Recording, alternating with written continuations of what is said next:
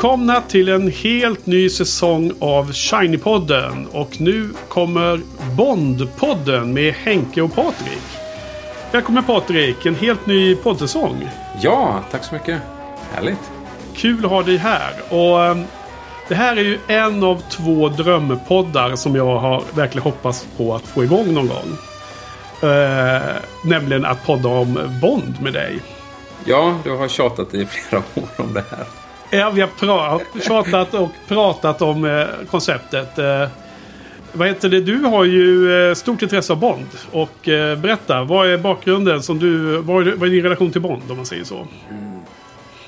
Eh, ja, eh, det var väl när jag med min... När jag var liten med min mamma. Vi var och hyrde en moviebox med, med en film. Som du Ja. säkert minns. Ja, på den gamla goda tiden. Eh, och då var det oftast en James Bond-film vi hyrde. Eller en westernfilm. Och det, det var väl ibland hyrde man ju mer än en film. Western fastnade aldrig för mig. Även om jag gillade det när jag var liten. Men eh, James Bond fastnade. ja. Ehm, och sen har det följt med mig hela mitt liv. Ehm, när jag var, ja, när, i slutet av 90-talet i alla fall så, så skapade jag en, en eh, James Bond-hemsida. Eh, Sveriges, var då Sveriges största. Ehm, ja. Det var på den tiden när det var hemsidor. Det var till och med före bloggarna. Ja, och gud, ja. framförallt Långt- före poddarna. Oh ja, långt före. Långt före. Då var det hemsidor som gällde. Ja. Eh, det fanns ju inte heller så jättemycket information på nätet. Så, så att jag liksom satt och samlade ihop allting och där. Och, och ehm, så hade jag den. Den hade jag väl i tio år tror jag. Okej. Um, hette, hette eh, The Facts of Bond. Kom från en uh, Bondbok som precis hade kommit ut eh, som hette The Facts of Death. Mm. Så, eh, som, som ingenjör då så, så ville jag samla mycket fakta om, om, eh, om Bond. Eftersom det var, på den tiden var det svårt att få tag i. Jag menar, IMDB var ju inte, det fanns ju men det var ju inte så stort då liksom. Och, eh, så, så det var ju mycket sånt. Ehm, så höll jag på med det i tio år. Ehm, under de tio åren så kom det ju upp andra Bond, svenska Bond-sidor också. Värt att notera där är väl den som kom halvvägs in i mitt, mitt, min uh, runtime. Där, så att säga, eh, from, from Sweden with Love. Fin, Den Okej. finns fortfarande. Den finns Okej. fortfarande. Ja. Ehm, och och ehm, den, den eh, rekommenderar jag. Det är, ju- det är ju Anders Freit som har, som har den. Ehm, den han, konst, han hade ju mycket fakta också självklart, men han, han hade också väldigt mycket kröniker och, och sådana saker. Så att vi hade lite olika inriktning. Um, kommer jag inte ihåg om han, om han började på svenska och sen gick över till engelska eller om han körde engelska från början. Men den är på engelska nu i alla fall. Och ehm, nej, Anders eh, är ju, eh, han är väl den ehm, uttalade svenska experten nu för tiden på Okej. Bond. Eh, mycket trevlig kille. ja. Ehm, Jag tror faktiskt att jag är med på någon eh, mailinglista från honom. För jag får lite så här eh, nyhetsutskick ibland från den sidan. mm. Men, din, men din hemsida, kan man hitta den på nätet fortfarande eller? Um, domänen är ju borta. Eh, Den betalar jag inte för längre. Det var ju sagt tio år sedan jag slutade med det här över det. Eh, Det är mycket möjligt att sidorna finns kvar under domänen. Eh, Men, men som sagt, den är inte uppdaterad på över tio år. Så den är ju, Nej, okej. Det finns många sidor som är bättre än den nu då, som har kommit ikapp och, och så. så att det, Okej. Ja, för tio år sedan, det var ju, jag menar, eh, lyssnarna till Shiny-podden och Buffy-podden känner ju igen dig. Som gammal gäst här under flera olika omgångar. Både när vi pratar om Buffy och Firefly. Eh, men du och jag, vi lärde känna varandra ungefär för tio år sedan drygt nu då. Eh, 2009-2010. Eh, på Ericsson nere i Göteborg jobbar på ett stort projekt som var väldigt tidspressat och väldigt intensivt. Vi hade supertight projektledarteam där. Ja, och eh, knöt band som det känns som kommer hålla resten av livet. Så eh, fa fantastisk eh, effekt av ett sånt, eh, ett sånt jobb så att säga. Mm. Och då, eh, då connectar vi ju många, på många fronter. Jag menar Buffy och Firefly inte minst. Och Friday Night Lights. Ja. Men, också, men också Bond då förstås. Och eh, jag har ju... Eh, jag har ju länge velat podda med dig om detta. Eh, och redan innan dess så har jag haft intresse av Bond också. Både från barndomen och en av mina tidigaste minnen i hela livet från att gå och se barnförbjuden film på bio. Som var då på sommartid. Ja, eh, åka in till Skärhamn och kolla på bio med pappa. Det var just en Bond-film. Eh, och jag tror att det var Älskade spion vi såg. Om jag inte Ja, blandar ja. ihop det. Ja, de, de hade väl premiär på, på sommaren eh, under den eh, det dekadet, så att säga. vill, Ja. vill jag minnas. Eh, men jag tror dessutom det här var liksom en så här superliten lokal bio där de kanske visade det året efter och sådana grejer. Liksom, du vet i Skärhamn, det var en, som en, eh, inte en eh, stor premiärbiograf direkt. Nej, vet- Men, eh, men det, det, sen när jag hade min, eh, sen jag haft min eh, blogg så har jag också då faktiskt genomfört ett Bond-projekt på bloggen då. Och det var ju för eh, sju år sedan ungefär som jag skrev om alla Bond-filmerna. Men eh, det är en sak att skriva ner sina tankar. Eh, det blir liksom, även om det är ganska långa inlägg så blir det inte så mycket man kan få ur sig. Så att det är en helt annan sak att prata om det, tycker jag. Och det ska bli super, superkul. Ja, eh, mer då om bakgrunden och andra, andra grejer du har att- att dela med dig av med, eh, i relationen till Bond. Ehm, jag vet inte vad jag har mer. Vad har jag mer? Ja, vi, vi kanske får komma till det då. Vi har ju... Eh, jag vet att eh, du eh, är ute och reser på semestrar ibland och vi har ju tillsammans Ja. också. Precis. Eh, och vi kanske ska, kanske ska nämna det här nu, för nu kommer vi ju prata om en film per poddavsnitt. Är det som gäller. Och vi börjar med den första Bond-filmen idag som heter Dr. No. För övrigt då. Men eh, inför den här eh, serien av, av poddavsnitt så är det en liten lustig trivia-aspekt som vi kanske ska försöka tracka också. Berätta mer. Vad gör du på Ja. semestrarna ibland? Jag, eh, jag har ju den vanan att eh, om jag är på ett ställe där en Bondfilm blivit inspelad alternativt att jag åker till ett ställe bara för, bara för att det har blivit spelat in eh, några scener där. Ja. Ehm, så, så försöker jag göra allt jag kan för att hitta de ställena, de vinklarna. Ja, och försöker eh, se hur det ser ut idag då. Och så fota. Fot, ja, absolut. Så jag har en, en hel del sånt. Så det, det, det är roligt. Det är jätte, Det måste jag älskar ju resa och, eh, och så. Så att, eh, ja, får vi, får vi absolut tracka. Ja, vi gjorde ju en... Och du har ju eh, varit med, du har varit med också på några sådana ställen. Eh, Ja, precis. Vi gjorde ju en väldigt eh, intensiv resa till Sydamerika. För, absolut. vad Ja. kan det vara? Fem år sedan ungefär? Eller vad Ja, kan det ha varit? Och där hamnade vi till slut i Rio de Janeiro i alla fall. Och där kunde vi eh, fånga ett antal sådana vinklar. Inte minst från Sockertoppen där då med den här Mm. eh, linbanan upp där då som eh, Jaws höll på och allting. Eh, vilka filmer det nu var. Men låt oss återkomma till det då. Eh, Det är klart. Ja, men idag då? Dr. No, första filmen. Mm. Ja, jag tänkte jag skulle... Det här, som, som jag hoppas alla vet, är baserat på en bokserie av Ian Fleming. Så jag tänkte jag bara skulle kort, eh, se om det blir kort, eh, dra liksom historien från, från hur det kom från bokserien till filmserien. Ja. Eh, Det, det är egentligen en historia som skulle kunna ta flera poddavsnitt, men jag ska försöka hålla det kort i alla fall. Eh, eh, för, det, för det är lite intressant. Han hade, det, det, det var ju inte en enkel resa, det kan jag ju säga. Ja, för att du, du har väl eh, någon gång sagt att du...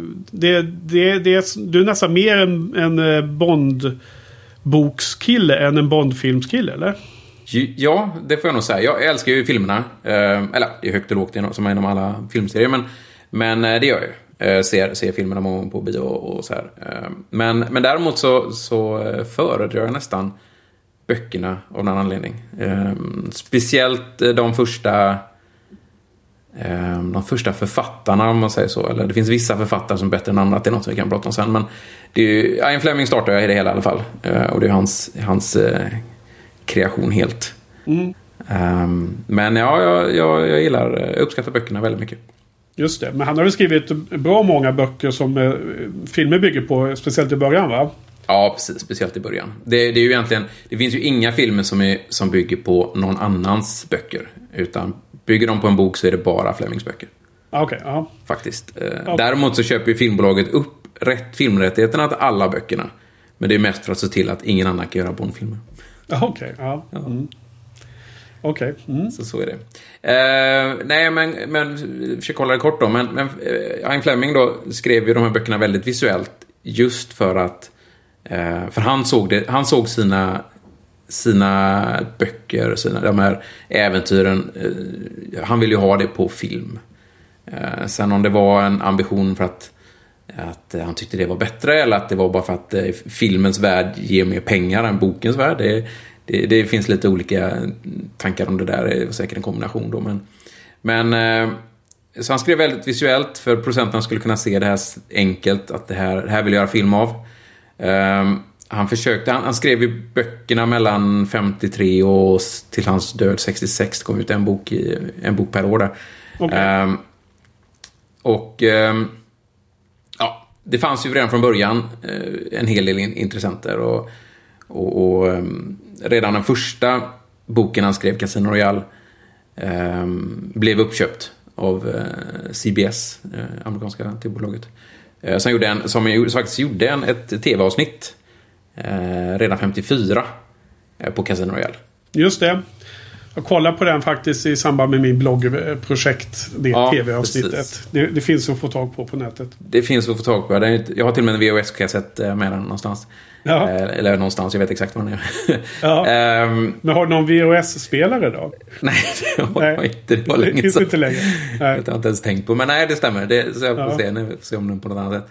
Uh, men, men den var ju inte speciellt bra och han blev jättebesviken, uh, Fleming, uh, på den där. Och i, i besvikelse så sålde han rätt, filmrättigheterna till ja, teman som hette Gregory Ratoff då.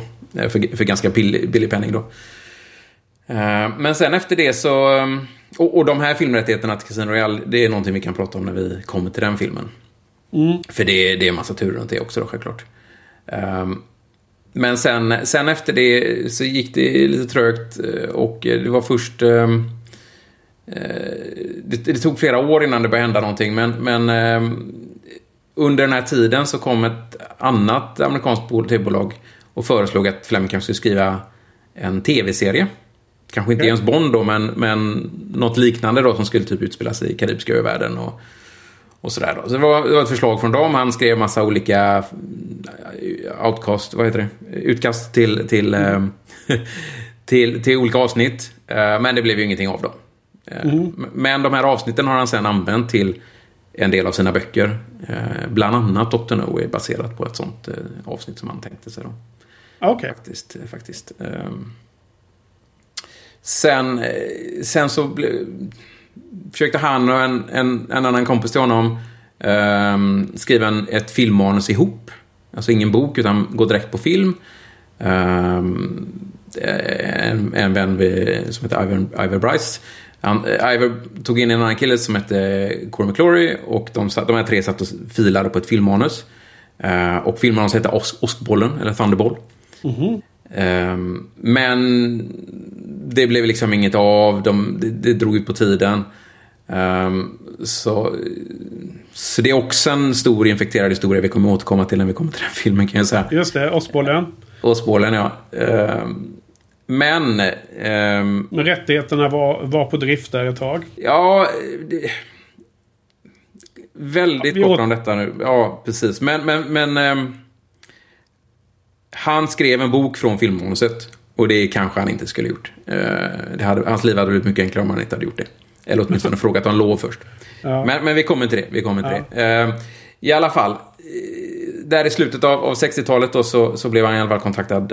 Fleming blev kontaktad av en kanadensisk... 50-talet gissar jag. Slutet av 50, förlåt mig. Slutet av 50-talet självklart. Ja. Eh, blev han kontaktad av en kanadensisk filmproducent, Harry Saltzman. Och eh, som då köpte alla filmrättigheterna till alla böcker han skrivit och de kommande. Förutom då eh, Casino Royale som då eh, var, var såld till den här Rattoff då för, för ett mm. antal år tidigare. Då. Um, och sen uh, när Harry Saltzman försökte göra film så uh, fick han kontakt med en, en annan man. En amerikansk filmproducent. Som hette Albert Broccoli. Chubby. Cubby tror jag det uttalas. Ja, Cubby, ja. Eftersom det inte är ett H. Så, ah, Okej, okay, Cubby Broccoli. Ja. ja, precis. Och det har, det har ingenting med att han är knubbig att göra. Utan det, det, det finns andra stories varför han kallas för Cubby. I alla fall, de, de um, kommer överens om ett 50-50 partnerskap och sen så sätter de igång. Ja. Broccoli var verksam i London då, i England typ. Ja, även, även Saltzman var ju verksam i, i Europa då. Så även om de kommer från Nordamerika så var båda verksamma i, i, i Europa. För jag menar, alla Bondfilmer är ju brittiska filmer. Yes. Eller hur? Precis. Även, även om det är Universal som eh, har dem va? Som, som distribuerar dem. Ja, i alla fall på den tiden. Ja. Eh, Det är helt riktigt. Ehm, Men de, de skapade tillsammans ett filmbolag som hette E.ON. Ja. Eh, Och det var ett brittiskt bolag då. Ehm, Sen skapade de även ett, ett eh, schweiziskt bolag som heter Danjaq. Eh, Och de, Danjaq ägde filmrättigheterna, men det var E.ON som gjorde, Just det. eh, som gjorde själva filmen då. Vad var, vad var tredjan bakom Eon då? Var det Everything or Nothing? Eller vad var det Everything or nothing, ja precis. Det är lite oklart om det stod från, från början eller om de hittade på det efter några år. Och Ja. det kom ju egentligen för att både Harry och Albert, eller då, var ju inbitna gamblers. Eh, Okej. Så, det var, så det var väl lite där. Och Ja. Även Danjaq har en historia. Det, det, det är deras fruars namn. Eh, Dana Broccoli och Jacqueline Salzman. Så då satte de ihop det. Och så eh, tog de namnet därifrån. Då. Och, Ja. och det är ju schweiziskt bolag för att antagligen för alla skattelättnader och sånt. Då, eh, där. Just det. Och eh, okej, ja. Ehm, så helt klart att filmrättigheten är i stort mångt och mycket ganska enkel story. Förutom för Casino Royale och Ottbollen då kan vi konstatera. Ja, precis. Ja, okej. precis. Eh, bra. Och sen, eh, ja men lite bakgrund så. Men Ja. vi kan ju hoppas på att vi, vi, vi får blanda med lite snack om historia och bakgrund och sådär. Och eh, filmerna och vad vi tycker om det. Det ska bli en bra mix. Ska vi Ja, det måste vara mix. hoppa här. Det, det, absolut, absolut. Eh, och ja, men egentligen så är man ju mer sugen på att höra mer om eh, mannen bakom allting. Ian Fleming. Jag menar hans... Eh, var inte han något av en typ agent själv eller något sånt där? Men jag tänker att du kanske ska få Mm. uppdrag att eh, dra lite om, om... Alltså lite så autobiografiskt... Eller vad säger biografiskt om honom nästa... Nästa film. Nästa podd. ja, ja, men det kan vi göra. Ska vi göra det? Det kan vi göra. Men nu är jag sugen på att komma in på Dr. No. Ja, ehm, då, då gör jag kopplingen då från det jag precis pratade om, hur den kom till film, till, till Dr. No då. För att Ja. när de väl skulle börja med det här så ska ju vara frågan, vilken bok ska man börja med? Ja.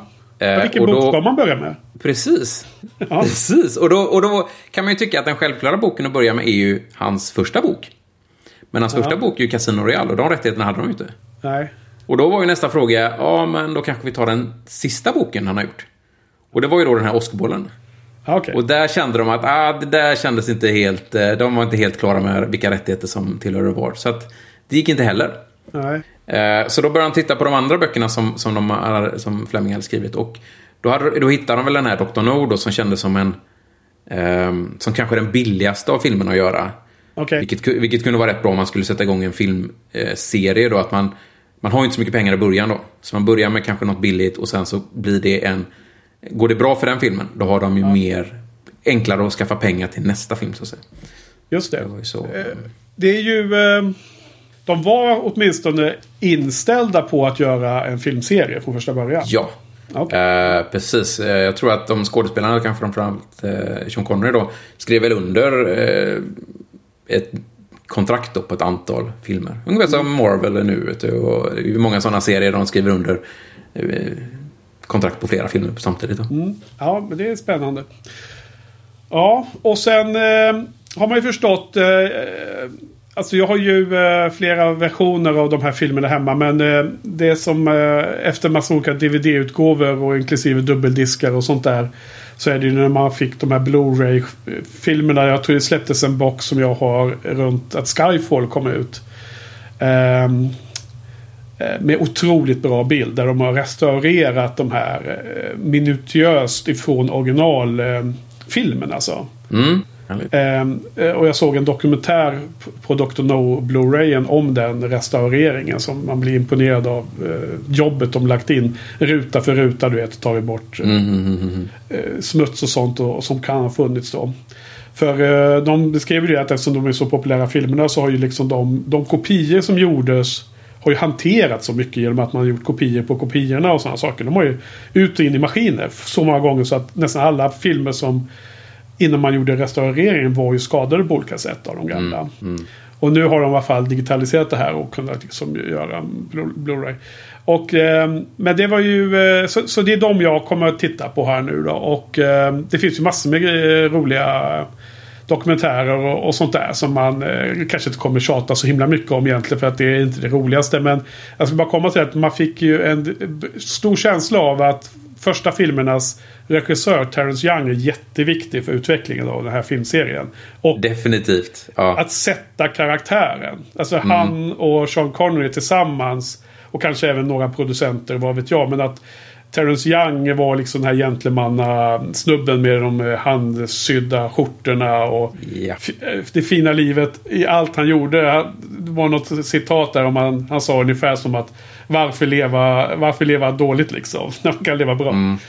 Nej, det är helt rätt. Och det var väl också en till att han, han fick bli regissör i början där. Eh, just för att han, han levde nästan som, som eh, James Bond gör i filmerna liksom. Och Ja. böckerna i viss mån.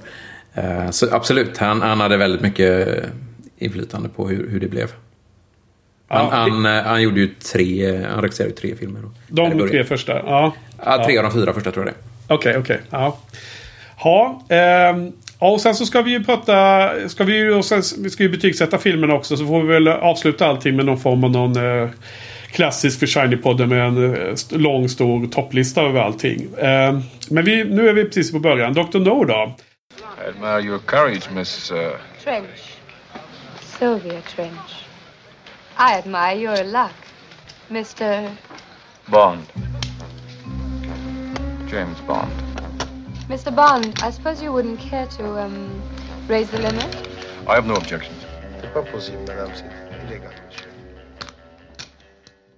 Ja, hur många Mm. gånger har man sett en sån här film? Jag tror att det här måste vara typ minst femte gången jag har sett filmen. Och det gäller Ja. de flesta av de här äldre. Eh, Ja, de har ju varit med länge. Ja, du har Ja, sett dem lite mer kanske, ja. Vad tycker du om Dr. No då? High level?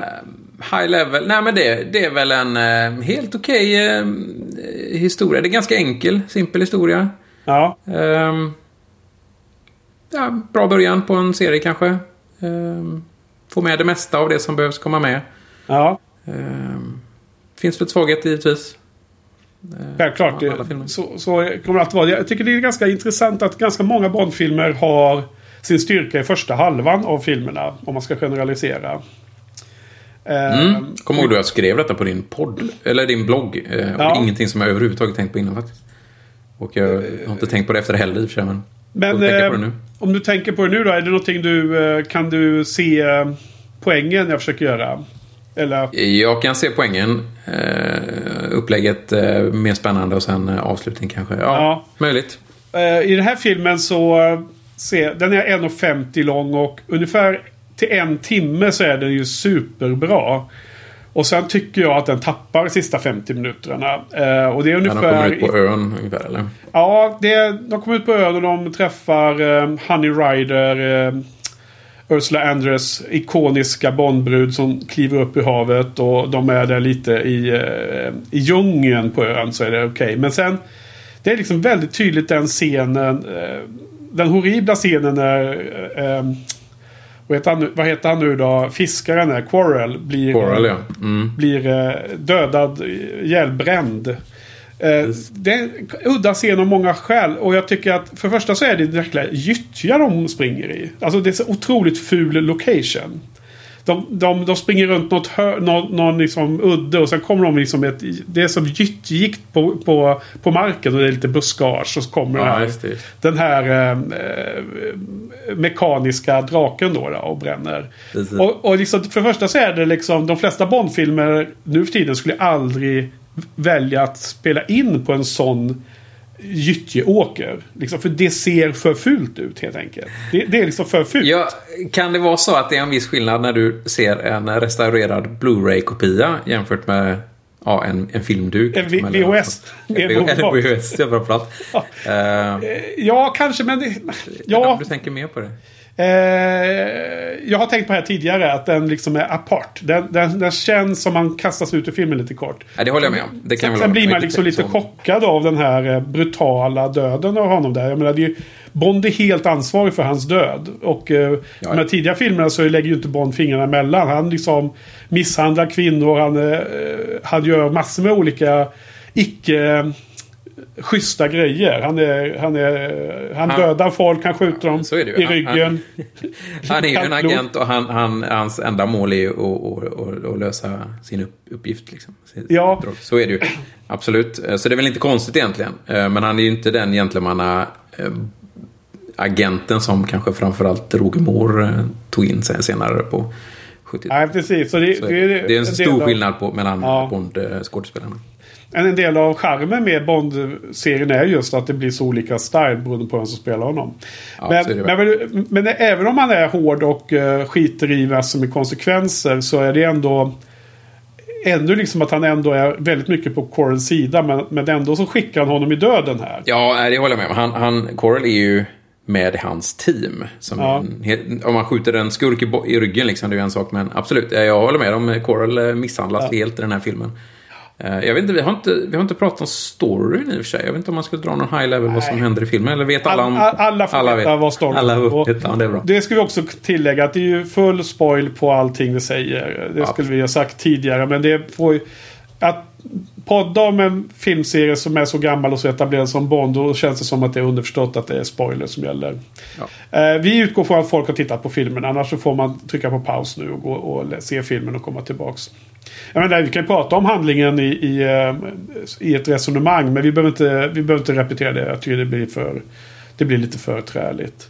Men eh, eh, resten av slutet är ju då inne i The Bond Villains Lair. Som alltid är en kul grej. Och med production design då som är en Ja. viktig aspekt av de här filmerna. Och, och det, är ju, det är ju många coola miljöer där inne i Dr. No's eh, slags underjordiska palats eller vad man ska kalla det.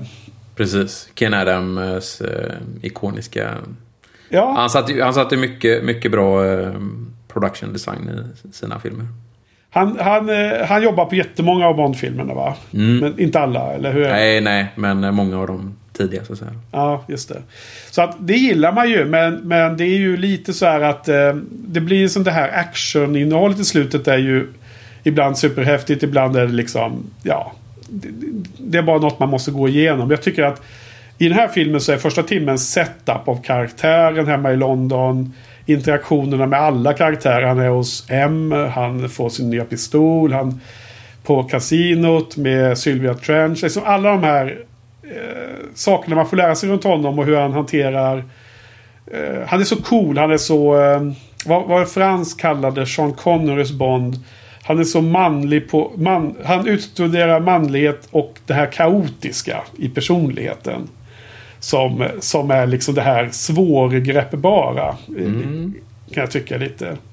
Eh, Så jag gillar den första timmen. Absolut. Liksom det är väldigt mycket lära känna karaktären över den fasen. Precis. Eh, Du då? Vad tycker du om eh, de, de, de två halvorna som jag lyfter upp här?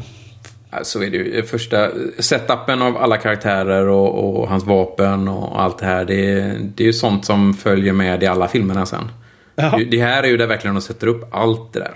Ja, Med M och, och Moneypenny och, och även om han inte kallas Q i den här filmen så, så liksom hela det...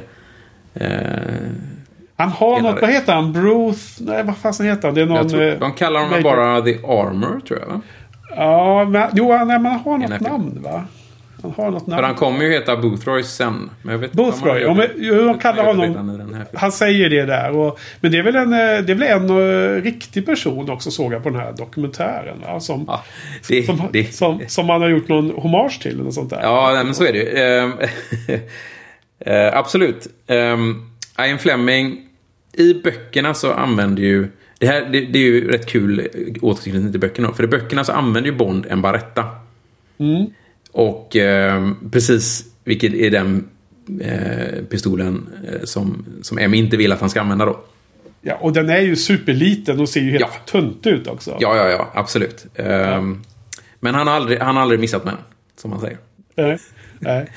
Eh, men sen då i verkliga livet så, så, så träffade så en, en vän till Ian Fleming eh, gav honom en, ett, en pistol att testskjuta med. Eh, som han, Fleming, eh, gillade jättemycket. Och det var just Walter PPK. Och därför så i nästföljande bok då så fick, eh, så fick Bond också då byta till den här Walter PPK. Okej, ja. Och hans vän heter ju då, eh, hette ju då Joffrey Boothroyd. ja okej. Och därför så fick då Q, eller The Armory, Armor, Ja. namnet Boothroyd. Just det. Så eh, det är ju ingenting som de använder direkt i filmserien sen då. De säger bara Q då. Q är ju kort för Quartermaster då. Quartermaster, just det. Och M är första bokstaven på chefens efternamn, gissa. Eh, ja, det är jättemycket snack om varför det heter M. Det, kommit, det finns så många teorier. Men jag tror de började, om man tänker i bo- bokserien då, det började med M. Men sen heter han ju ehm, Miles eh, Missouri eller någonting sånt. Om jag minns rätt. Ehm, så det är ju dubbel-M då. Okej. Och sen i bokserien när de byter ut M ehm, till ja, nya M så att säga då. Så brukar de också heta någonting med M. Just det. Det är ju som när eh, de bytte ut M eh, ifrån eh, Dame Judi Dench till... Vad heter han som skådisen på den nyaste nu då? Då heter han ju Mallory i alla fall. Ja, precis. Och hon heter ju också någonting med M. Ja, men det kommer jag inte ihåg. Nämns hennes Nej, namn? nej det nämns inte. Det, men det, nämns i, det nämns i böckerna, gör det. Ja, okej, okej. Men det nämns inte i, eh, Ja. i film. Men det är mycket långt senare. Långt senare Ja, oh ja, oh ja. Mm. Eh, Det börjar ju med, först får blir man ju lite förvånad då för att eh, när man ser den här filmen och inte ser en pre-title scene då, då. Det är ju enda Mm. Bond-film som inte har det då. Hade de inte tänkt ut det innan? Nej. Att, att ha en scen innan. Det är ju ganska coolt att de har det sen. Det, är ju Det var, inte, det var 60-tal. väl inte speciellt vanligt. eh, Nej. Så att, eh, man Nej. körde väl som en vanlig film liksom. Och... Ja, men Däremot är även- du mer förvånad att de, att de verkligen har det, att de kom på det sen då. Ja, jag menar det. Även film nummer två är ju 60-tal. Mitten av, tidigt 60-tal. Ja, det är 63. 63. Så, att, 63. eh, så att det är coolt att de börjar med det så tidigt. Mm. Men däremot så känner man igen det här färgglada eh, vignetten som titles-sekvensen med musiken och allt det där. Det, det görs ju snyggt från och med första början. Ja, eh, den är ju lite, li- den första är lite annorlunda mot det som kommer komma sen då. Men Ja. inspirationen av, av titelsekvensen i den här är ju... det- Vi, vi har ju gått in i datoråldern här då och eh, Dr. No använder ju en dator då för att störa ut NASAs raketer. Eh, och då är ju de här blinkande ljusen och, och det blippiga ljudet då ska vara Ja, liksom, okej. eh, datorer då. Det, det nya spännande. Ja, därför det är lite kul att se vad de här Bond-filmerna har för några kopplingar till current events också. Men det här nämner de ju Mercury eh, robot, eller så raketerna då. Så det är ju Mercurys först, NASAs första eh, fas av det som sen slutade med eh, månlandningen ju. Sen, långt senare. Mm. Med Apollo. Så det var ju Mercury och sen Gemini och sen Apollo va? Ja, de olika eh, test, teststegen innan de väl kom till Ja. sätter en, en man på månen. Just det. Så, men det var enmanna, tvåmanna och tremanna också. Var det inte det i de här, system, de här programmen? Jag tror att Mercury var för en person, Gemini två och Apollo är ju tre i, eh, i kapseln. Kapseln eller vad det heter. Mm, så, Oklart, så kan det oklart. vara. Så kan det Ja, vara. Ehm, att Gemini skulle vara två, det är ju inte helt otroligt i och för sig. Nej, att de har hittat det namnet där. Ja, precis. Ja, eh, men storyn är väl ganska simpel. Men det är väl, det är väl fine. Jag menar, de, många bra filmer har ju en enkel story. Så det är ju egentligen ingen nackdel. Nej, Eh, Och skulle man ha alldeles för komplicerad Bond-story då, då skulle man ta bort ifrån det som är det viktiga som är nämligen karaktärer och glimten i ögat eh, och liksom alla roliga detaljer egentligen. precis. Kanske. Kanske. Risk. Ja. Ja. Vi får väl se. Vi kommer Antagligen. till Antagligen. Det här är, ju mer- här är ju mer som en vanlig eh, 60-talsagentfilm då. Ja. Eh, så mycket av de där grejerna har ju inte kommit än. Eh, Och det är ju superhärligt tycker jag. Som sagt. Mm. Mm. Jag menar bara när, när Bond kommer till eh, Jamaica och kliver av flyget och sen blir upplockad av någon okänd person som han direkt, han direkt förstår är en skummis. Men han är ju så... Han är så relaxed. Han sitter i bak, baksätet av bilen och bara väntar för att se. Han ska lära sig mer om eh, fienden liksom. Men han försätter sig själv utan att tveka i en farlig situation. Så att man, man säljer mycket av hans recklessness men också modighet i det här liksom. Ja, precis. Ja. Ja. Mm. Men eh, delen i London tycker jag nästan är bäst i hela filmen då. då. Och en av filmens starkaste karaktärer. Eh, vet vilken jag tänker på? Eh, jag hoppas du tänker på Sylvia Trench. Ja, såklart. Hon är ju, hon är ju störtcool ju. Ja, det var Sexy, ju. sexy Eh, som fan också. Vilken ja, eh, och så- härlig Bondbrud. Ja. Eh, och hon tar ju för sig, hon vet vad hon vill. Eh, ja, jag, jag gillar henne också. Eh, hon dyker ju även upp i nästa film. Ja, Det var ju tänkt att Sylvia Trent skulle vara Bonds eh, kvinna på, i London, liksom. Eller hem, hemmakvinna, så att säga. ja. Eh, men tyvärr då så dyker hon inte upp mer än de två första filmerna då. ja det är supertrist. Vad, vad hände med det då? Te- varför, för- genom, varför full, fullföljde de inte den tanken? Jag är inte helt hundra faktiskt, men jag kan tänka mig att de kanske inte... De, de kanske tänk, de kanske vill att Bond ska vara mer ute och... och eh, han ska inte vara bunden till en kvinna på något sätt. Liksom, utan, eh, så här, jag, jag tänker mig att det är någon film, filmproducenterna har tänkt, tänkt ut så. Eh, De kanske var oroliga att det skulle bli en backlash att han har eh, en kvinna hemma och, en, och ska Ja. han fälla ett antal i varje äventyr borta. Men det är ju synd tycker jag. För det, nu för tiden hade man bara gillat att kunna ha ett sånt mörker liksom. Och kunna spela med dem. eh. Ja, absolut. absolut. Och då blir, det blir ju lite mer kontinuitet då. Det är det, det, är det som jag tycker är det, en av de negativa sakerna med filmerna då. Är att det finns ju ingen kontinuitet egentligen mellan filmerna. Allting börjar ju om från början. Men alltså i, i böckerna då, så är det ju verkligen... Avslutar man... Alltså i vissa böcker det slutar med en cliffhanger liksom. Jaha. Eh, och, och just att om, om man till exempel avslutar en bok med en kvinna då fortsätter de oftast den storyn i nästa bok. Ja. Kanske förklara varför det sket sig eller någonting då. Men, men eh, det, det, jag gillar ju sådana saker. Långa röda trådar och saker som hänger ihop då. Bö, filmerna gör ju tyvärr inte det så mycket. Men, men böckerna gör ju verkligen Nej, alltså jag har ju inte läst böckerna nu, ska jag tillägga. Men man blir ju lite sugen. Jag har tänkt på det tidigare att jag borde läst dem. Men nu har det inte blivit av. Nu, nu har jag missat den chansen också. Men du, du får ju stå för den, eh, den inputen nu då i Mm. Gärna. pod- podden här då. gärna. Jag tänkte jag skulle ha en liten sekvens i varje, varje poddavsnitt med eh, jämförelse med böcker kanske. Ja. Är det dags för... Eller först ska jag bara avsluta om Sylvia Trench då. Så kanske Ja. du ska jä- jämföra lite här nu då. Den här filmen. Finns det sån jäm- jämförelse? Det, ja. det finns det, och det är ju framförallt de första eh, under 60-talets filmerna Okej. som, som har det. Nej men det var faktiskt en, en, eh, en liten eh, spaning som jag inte hade tänkt på tidigare. Eh, som jag såg för första gången när jag såg filmen idag. Eller tänkte på för första gången ordentligt i alla fall. Att det här superikoniska My name is Bond, James Bond. Som vi Mm. inledde podden med om allting har gått rätt nu då. Det är som, jag menar det är ju, det är ju Sylvia Trent som sätter den. Ja, För, för i det första mötet över eh, när de spelar det här absurda kortspelet som jag aldrig har förstått hur det funkar. Då så eh, är det ju hon som introducerar sig först. Hon säger ju My name is Trench, Sylvia Trench. ja, ja visst. visst. Så det är så jävla bra. Hon, är, hon har ju som lärt Bond i hur det där går till. Mm. Eh, tycker jag var en liten eh, trevlig grej. Ja, ja, ja. Ja, men okej. Hur är boken då? Eh, Dr. No. Är, eh, är det några stora skillnader att, att nämna? Eh, det finns stora skillnader, men, men eh, storymässigt så följer den boken ganska bra. Ehm, sen, är det, sen är det vissa små detaljer som ändras. Dr. No jobbar ju med ryssarna till exempel och inte med det här Spectre. Ehm, I böckerna är det väldigt mycket mer ryssar som är skurkar.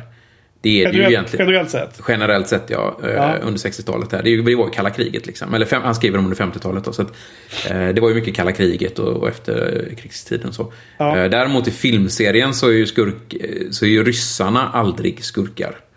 Det kan finnas ryssar som agerar själv, som kan vara Ja. skurk i, i vissa filmer, inte så många heller. Men där är ju egentligen Spectre då som ersätter det här då. Spectre kommer ju dyka upp i flera av filmerna framöver här då. Just det. Eh, och sen, sen är ju... Men varför ön- gör de så då, tror du? Det, är, det är väl egentligen för att inte stöta sig med, med Ryssland. Och, eh, jag vet inte om de har tänkt att sälja de här filmerna på östblocket kanske. Eller jag vet inte riktigt. Det kändes väl inte... Eh, de, de tänker väl mer kommersiell eh, framgång. Eh, Tänker jag mig. Jag, jag, jag är lite osäker. Ja. Andra saker så är det, det är mycket mer snack om fåglar kan jag säga i boken. Jämfört med i filmen. Jaha. Och och ön då, Crab Island, är ju ett fågelreservat.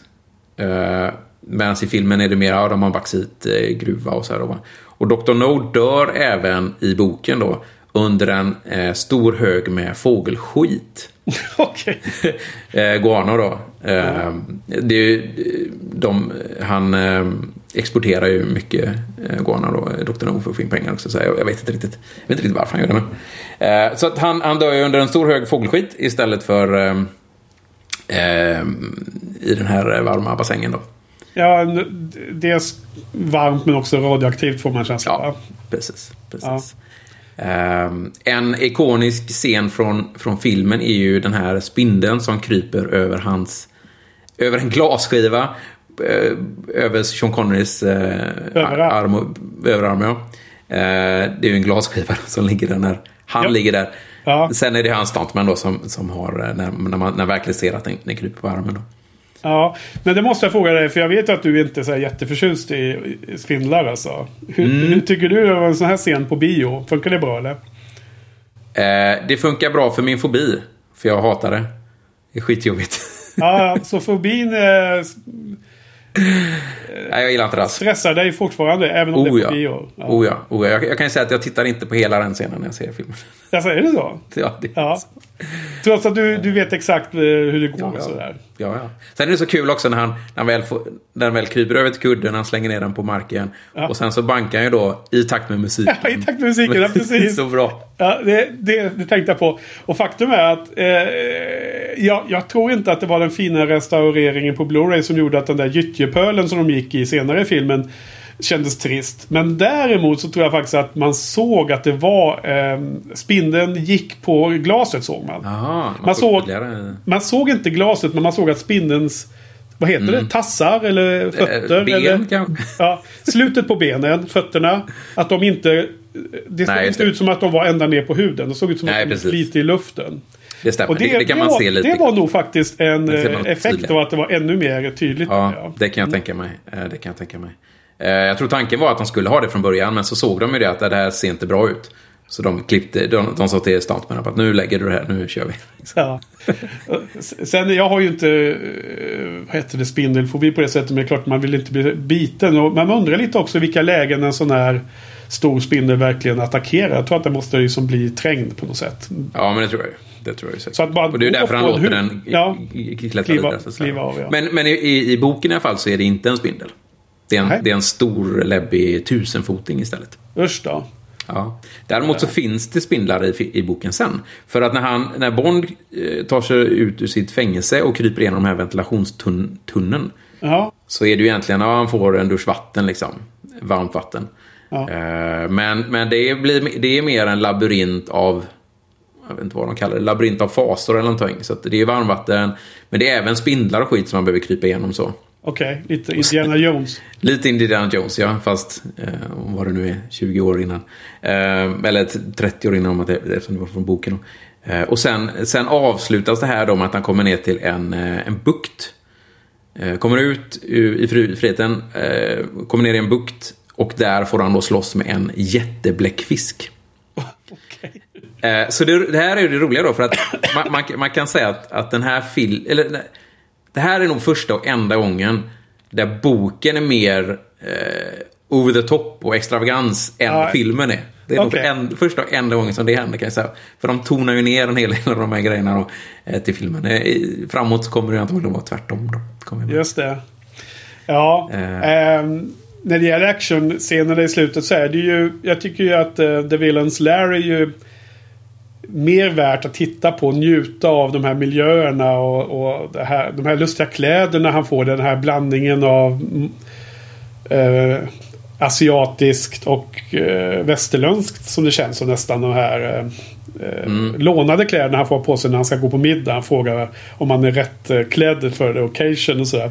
Precis. Lite så små lustigheter i, i eh, dialogen. Men, men sen det här själva action och de här explosionerna och det. Det blir ju liksom, det är inte det bästa i den här filmen. Och det är en sån gammal eh, Så är det väl ofta. 60-talsfilm. och- Explosionen är ju inte alltid det bästa i en film. Liksom. Så är det ju bara. Nej, och det, det får man liksom leva med. Och jag tycker att det syns ganska tydligt att det är såna här eh, modeller. Eh, de har den här Ja, stora så- bryggan och de här små båtarna och så. Eh, det är också så här dålig location scouting. För att det är liksom ganska trist den här stora metall, eh, eh, metalliska bryggan som är någon slags eh, shipping eh, station liksom. För den här Mm. eh, bauxitgruvan ju. Det känns som att i senare Bondfilmer så är man, väljer man mycket eh, mer fancy locations. Och det, Så är det ju. det blir roligare att se än den här. För den, den ser så jävla trist ut liksom. Du vet när han, professor Dent kommer dit första gången han ska springa i de där Ja, långa, långa gångarna där. Det är, ah, det är ingen härlig miljö utan det är... Men det är ju- jag, jag tycker de, den skaver lite den yttre miljön och den inre miljön hos uh, Dr. No. Så är det ju. Eh, Allt handlar väl om pengar antar jag, när det gäller Ja. skattningen och och så. så men, Ah, det får men jag man absolut Jag köpa i första filmen. Det, är inget, det, är egentligen, det drar inte ner någonting. Det är bara att den, man får göra den kommentaren och ändå poddar om filmerna. Jag är. Och, och det syns som sagt väldigt tydligt att det är en, att det är en modell då. Eh, Bond är Bondfilmer är ju dessutom ganska kända. Att de, de var ju väldigt... De är väldigt mycket på att köra riktig eh, med modeller och sånt. Än att och liksom ha CGI. De var ju väldigt sena med att komma in i CGI och sen första CGI-försöket de gjorde var ju helt horribelt. Men de, de försöker köra väldigt mycket riktiga saker. Praktiska effekter är bra. Ja, precis. Vad heter det? Fortsätt- Dr. fort- No då? Eller? Nej? Ja, jag tänkte Okej. fortsätta bara med några, lite, några Ja. få eh, bokgrejer då. Och det var väl egentligen bara att både Quarrel och Strangways, den här brittiska eh, agenthuvudet, eller han som hade hand Ja. om agent... Eh, den MI6 Bridgespelare. en av MI6 man, i Karibiska övärlden. Båda de introducerades ju i en bok som kom fyra år innan. Så de hade det liksom redan varit med. Eh, och det var ju boken Leva, låta dö då. Det, det gjordes en film av den sen, kom vi till. Eh, både, och då kom ju, var ju både eh, Strangways och hans sekreterare eh, Miss Trueblood med där då. Ja. Så de hade varit med lite innan. Och då klart att då blir en sån... Eh, Åt, å, återigen här med, med kontinuitet då. Ja. Som, som man har i böckerna då. Och precis, och då förstår jag att man läser den boken om Dr. No och de blir dödade så betyder det någonting. Här, men här är det bara okända personer ju. Precis. Så det förstår jag. Det skulle faktiskt vara mycket bättre om eh, filmen hade lyckats med en sån, eh, sån typ av kontinuitet. Ja, de, de har ju, den kontinuiteten de har då, det är att de oftast har samma skådespelare i de återkommande rollerna då, som tur var. Ja, ja. Det är väl egentligen Felix Leiter som blir väldigt eh, misshandlad där. Det är ju i princip en ny Felix Leiter varenda gång då. Vilket Han- är väldigt, väldigt konstigt. Han är shifty, den gode Felix. Han är en hemlig agent med olika... Ja. Eh, det är väl så då. Eh, Han är, Felix, som, Felix som, som en kameleont. Kan som en kalimont, ja precis. Han är dock dessutom inte med i den här boken då, fast han är med i andra böcker. eh, Men han är ju med i filmen. Han är med i filmen, ja, men inte i boken. Ja. Eh, och sen är det ju roligt för Fleming, efter den här filmen hade premiär, så, så ja, han, han tyckte väl om filmen. Så att i hans nästa bok som han skrev sen då, i Hennes Majestäts Hemliga Tjänst, så skriver han in att James Bond träffar, eller ser, Ursula Andress. Så hon dyker upp i ett kort ögonblick i boken. Och eh, Bond uppmärksammar hennes eh, fantastiska solbränna. Eh, så det är väl en liten... Menar du att han, att han upptäcker Ho- Honey Rider eller skådespelerskan? Skådespelerskan. Okej, så han Ja. gör en lite metanivå där. Han gör lite metanivå, ja. Precis, i, boken som kom, i boken som kom precis efter filmen. Det är lite, lite roligt. Ja. Okej, men eh, då får vi ta eh, Bondbruden då. Eh, Ursula Andress, alltså. Det är inget fel, fel på henne. Hon gör väl sin roll helt okej. Men jag tycker inte att hon är så magnetisk som hennes rykte har blivit efter den här filmen. Alltså jag tycker Sylvia Trench är min favorit. I allra Ja, eh, så är det ju. Ehm, sen är det ju ikoniskt när hon dyker upp på stranden där. Och eh, hade vi sett filmen på 60-talet när den kom så, eh, så hade vi kanske tänkt annorlunda, eh, tänker jag mig. Ja. Eh, den här lilla bikinin hon har på sig är ju inte, det är ju inte något man såg jätteofta i, i filmer på den här tiden heller. Då. Okej, det var mycket mindre än vad som kanske var förväntat. Eller? Som jag har förstått det som. Jag eh, Ja. var ju inte med på den tiden. Men, men eh, ja, jag tror att den var... Man hade säkert sett mindre, men man, det kanske inte var så vanligt då. Det kanske var mer var, Ja. baddräkter då. Det här var ju... Filmen kom ju ut... Den spelades in... Eh, den började spelas in där i början av, eh, av 62. Och sen så hade den premiär... I, den hade premiär i, i England i hösten 62. Men sen kom den till Sverige och även USA 63. Så att det är ju inte som det är nu man synkroniserar eh, premiärerna direkt. Utan här Nej. var det ju en, eh, liksom ett halvår, ett år Jävla senare. skit det där de inte har samma. Jag hatar det. Ja, precis. Det är bra att det är... Så det är början av 60-talet här i alla fall. Så. Ja. Jag tror att jag eh, på dokumentären såg någonting om att hon eh, Louis Maxwell som spelar mm, Miss Moneypenny och och fick vara med Mm. på bra många filmer. Menar, hur många var hon med i? 10-15 filmer säkert va? Något sånt där. Ja, hon var med i väldigt många filmer. Ja. Hon, jag tror att hon fick erbjudande först, eller det var snack om först att spela Sylvia Trench. Men att hon tyckte att det var orimligt att stå i Bonds eh, pyjamasskjorta och bara ben i, i, i scenen. Så att eh, Ja. hon blev, fick ta en annan roll. Eh, så kan det vara. Så kan det Ja. mycket väl vara. Det finns mycket historier runt eh, eh, från, från, från den gamla tiden. Ja, för på tal om avklätt menar jag så var det ju... Mm. Ja, nej, hon, hon var väl mer alltså, I dagens mått mätt, eh, så vitt jag vet så, så, så tyckte jag att Sylvia Trench såg mer avklädd ut än Ursula Andress. Eller Honey Rider faktiskt. Men Ja. det är mer en vana Det, liksom. stäm, det stämmer ju inte, men, men det är väl, en, det, är väl det, det, det intrycket de ger. Liksom, att man Ja. kan se mer naken ut även om man har kläder på sig. Så, så att det, Ja. eh, hon, eh, mm, Ja, men det är ju såklart ikoniskt och jag menar det är ju... Eh, eh, man får ju ändå notera Bondbrudarna. Det är ju liksom en, en del av film, filmserien. Och så är det. Och, och redan, redan i första filmen är så börjar de med det konceptet som de har i väldigt många filmer. Tre Bondbrudar. En första Bondbrud. Sen den andra Bondbruden antagligen jobbar för fienden. Och sen den tredje som han träffar är den kvinnan som han är ihop med. Så, så det är ju väldigt, det är väldigt har inte jag spanat riktigt. Alltså, det är ju intressant att det är så, Så, eh, så det är en- liksom, formel eh, som de använder. formularisk eh, hantering av detta. Mm, så, är det, så är det verkligen i, i filmerna då. Och det är ju, ibland är det ju den eh, tredje då, den största Bondbruden som är liksom den eh, som man tycker är eh, bäst eller gillar mest av olika skäl. Men eh, det är ju inte alltid så. Långt Nej, därifrån. gud nej, absolut. Långt därifrån. Eh, vad heter det?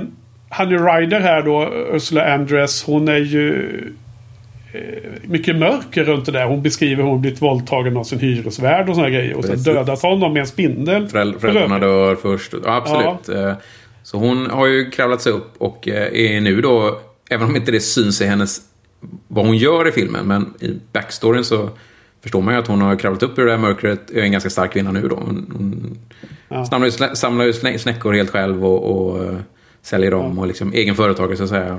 Ja, på den tiden. ja en survivor-typ Ja. så ja. Verkligen, verkligen. Och, och det ser du även på de andra. Sylvia Trench tar ju för sig, gör precis vad hon vill. Eh, och, och sen eh, även Miss Taro då, den här mittenkvinnan då. Vi, Ja, är ju, ja, hon är ju skurk. Hon, hon eh, ser till att lurar Bond i fällan och sen... Precis, Bond eh, förföljer henne hemma hos henne och sen skickar han iväg henne eh, i en taxi. Så hon blir, blir ju inte dödad i varje fall av Bond va? Nej, precis. Det, om, Eller, om, nej, om hon du- skickar iväg honom med, med Det- polisen. Polisen Precis, hämtar henne där. precis. Mm. Just det. Vad heter det?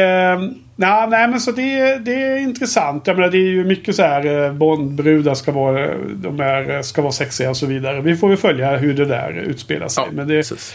också filmer som är gjorda på tidigt 60-tal är inte riktigt samma eh, klimat som idag. Man säger så. Nej, man får ju jämföra dem med hur det var på 60-talet. Och, och då var ju Bond ändå ganska, Bondfilmerna var ju ändå ganska framåt även där då. Eh, till, till viss del. Om man jämför med de filmerna som utspelar sig då. Så, så är det ju liksom, varje film och bok är ju en, en, en produkt av sin tid, så att säga. Jo, så är det ju. Eh, och då har vi, eh, när du sa Miss Taro och eh, Professor Dent och eh, Dr. No. Då är vi inne på The Opposition, andra sidan. Och eh, jag tycker väl inte att Dr. No är någon superikonisk Bond-skurk. Jag, jag tycker inte han är jättebra.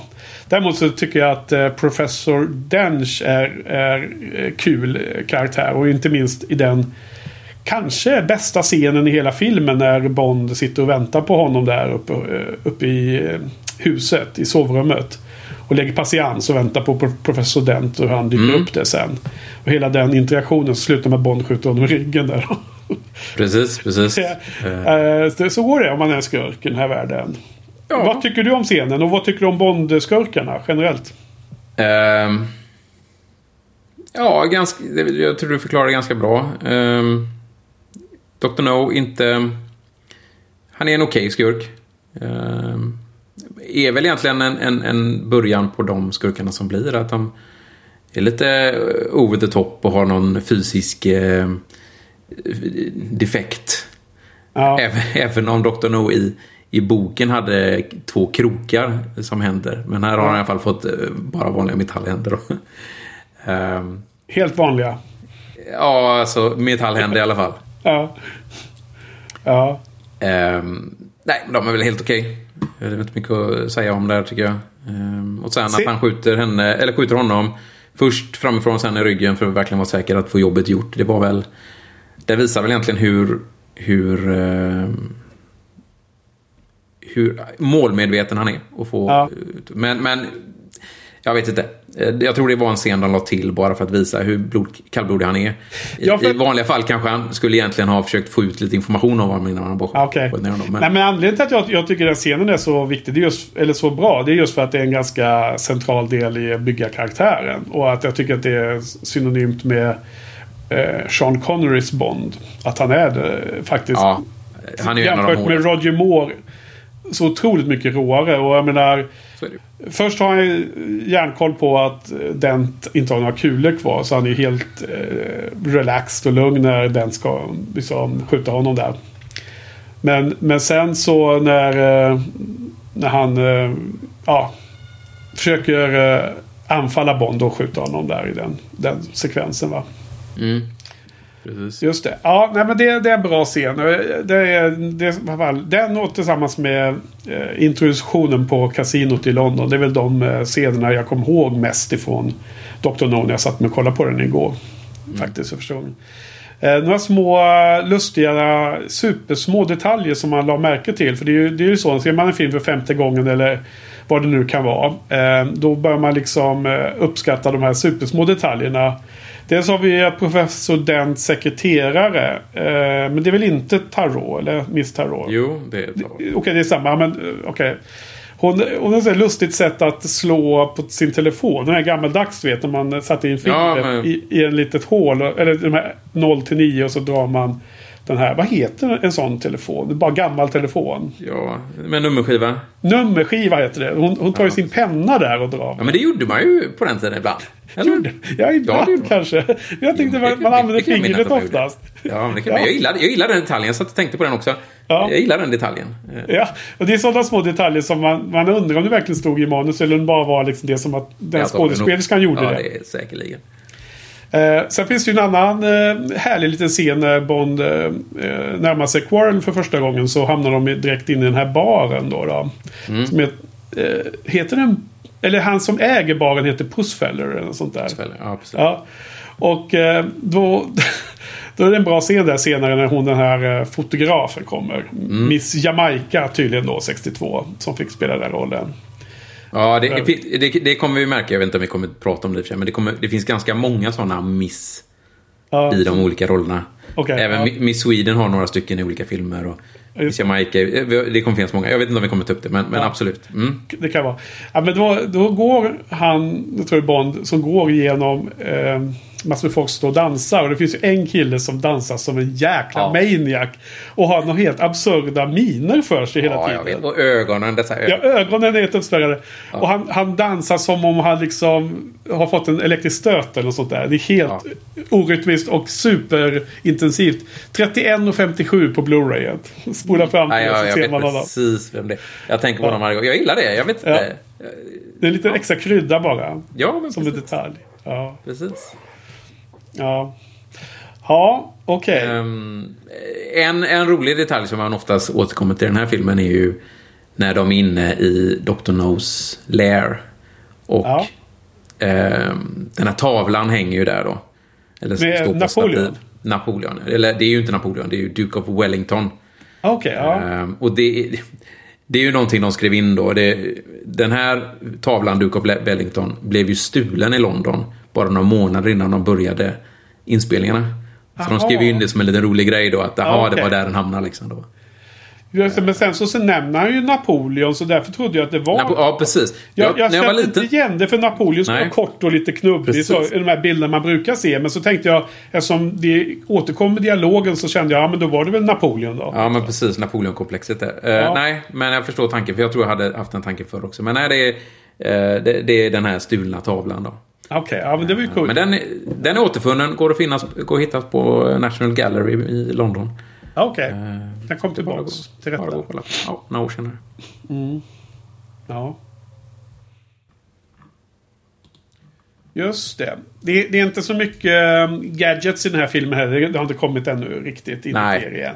Nej, precis. Det kommer ju med nästa film framförallt. Alltså, börjar de. Ja, Det är allt okej. med det. Ja. Ja, men då så... eh, ja, har du några fler notes? Eller Eh, jag tänkte bara... lyfta? Ja, jag tänkte bara en sak eh, som vi pratade om tidigare om inspelningsplatser då. Ja, Ehm, Men här, den inspelas ju egentligen bara lite i London och sen eh, i Jamaica då. Ja, har, ju du inte varit där då? Jag har ju inte varit i Karibiska övärlden överhuvudtaget. Så att, eh, de här första filmerna är det ju en, en del filmer som utspelar sig där. Så I de första filmerna kommer jag inte ha så mycket ställning jag har varit på tyvärr. Men kanske i framtiden. Eh, Ja, det är väl inte omöjligt att åka till, eh, till, och, till Jamaica. Jag vet inte om den här Crab Island finns och sådana här saker på kartan. nej, det tror jag inte. Jag tror det var en påhittad eh, ö. Ja. Men det, det var ju Men den ön som inspelat har på spelat in plats. på. Ja, den finns ju. Men, men, men jag vet inte vad... Ja, här ser man den här palmen kanske. Jag, jag, tror, att- jag tror att det Ja, men du kan se det är här, det här väldigt eh, lågt sluttande vattenfallet som de är i. Det kommer en massa vatten över stenar som ser ut som en trappa. Ja, får se om det, se om det ser ut så 50-60 år senare. Men eh, Ja, det, det kan ju hända. kanske. Kanske. Ja. kanske. Sådana saker borde vara kvar. Ja, nej absolut. Eh. Ja. Han, eh, Ian Fleming hade ju, hade ju en bostad på Jamaica. Den hade jag varit kul att, att se. Det var där han skrev alla böckerna också. Så det hade, Ja, men precis den kommer vi komma till. Den kommer vi komma heter till. den eh, bostaden nu då? Den heter ju, den heter Goldeneye. Så den kommer vi komma återkomma till. Golden- Jag kommer att prata lite om, om den, eh, eller om, om Fleming. Om jag ska prata om Fleming nästa gång så kan vi nämna Ja. den. Okej, men ska vi... Vad har du för något... Vad ger, ger du Dr. No för något betyg då? Och varför? Ja, 1 till 5 då. Ja. Eh, jag skulle väl nog ge dig en trea, skulle jag nog säga. En stark trea kan vi säga. Ja, Det är ändå första filmen, mycket som introduceras. mycket bra ja. eh, Så. Mycket bra sånt. Eh, Det är samma betyg som jag gav den för sju år sedan och som jag ger den nu. Jag tycker absolut att det är, en 3 av 5. Det är jättemycket nostalgi i det. Det kommer det vara ju väldigt många Ja. Bondfilmer. Ja, gud ja. Eh, men för det är de ju inte immuna mot att man kan eh, ha sina, eh, sina favoriter och vissa som man inte tycker är lika bra. Man kan väl alltid kunna hitta starka delar och starka detaljer och, även svaga. Men helhetsbetygen kommer nog vara lite all over the place tror jag för mig under den här resan. Det här tycker jag absolut. Det här är helt klart eh, eh, över halva men kanske undre delen av över halva skulle jag gissa. Mm. Där. Eh, 3 av 5 för mig också. Eh, superkul. Eh, men det är inte top of the line för mig. Vilken är då nästa film som är nummer två i serien? Det kommer ut en nästa år efter, direkt efteråt va? Ja, de släpptes ju i princip en gång per år de första åren. Sen blev det varannat år. Och sen Ja. fortsatte de med varannat år egentligen hela vägen. Det var en liten hiccup eh, vid ett tillfälle där. eh, Just det. Eh, när 89 Pierce Brosnan 95. tog över där så Ja, blev det... där var det, där var, där var det några år emellan då. Eh, Men sen har det varit egentligen varannat år. eh, Ja, egentligen från 65. Så det är väl egentligen bara de första filmerna. Första fyra filmerna som är är varannat år, eller varje år. Sen så går det upp till varannat år. Eh, Sen är det varannat år då. Eh, Så nästa, nästa film är ju då eh, From Russia With Love då. Svensk Ja. titel, Agent 07 ser rött. Se rött, ja. Precis. Eh, men det har vi ryssarna ändå lite på som hans motståndare. I någon mening. Mm. Eh, fast det är ju inte ryssarna då, det är ju Spectre. Men de använder ryska agenter. Så att, eh, det, får vi komma till då. Ja. Kul, men det, då får vi... ehm, eh, det är då nästa vecka. Eh, From Russia With Love. Fast det var spännande. Ha. Några famous last words? Eller känner vi oss nöjda för idag? Jag känner mig nöjd för idag tror jag. Okej, inför nästa vecka så eh, ska vi... eh, Så får du sam- förbereda lite mer om Ian Fleming. Ja, vill du? Som ehm, hans... ehm, vad han var för någon person? Författaren till alla böckerna. Precis. Ja, men okej. Så vi får, får vi prata lite om det då. Okej, men då, eh, då är vi klara då. Det är vi. Ja, Härligt. tack Patrik. Tack så mycket Henke. Ja, och tack till lyssnarna och på återhörande om en vecka. Vi hörs. Hej! Hej.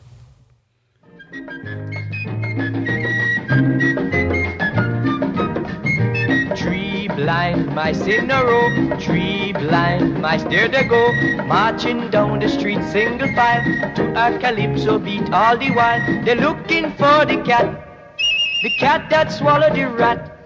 They want to show that cat the attitude of tree blind mice.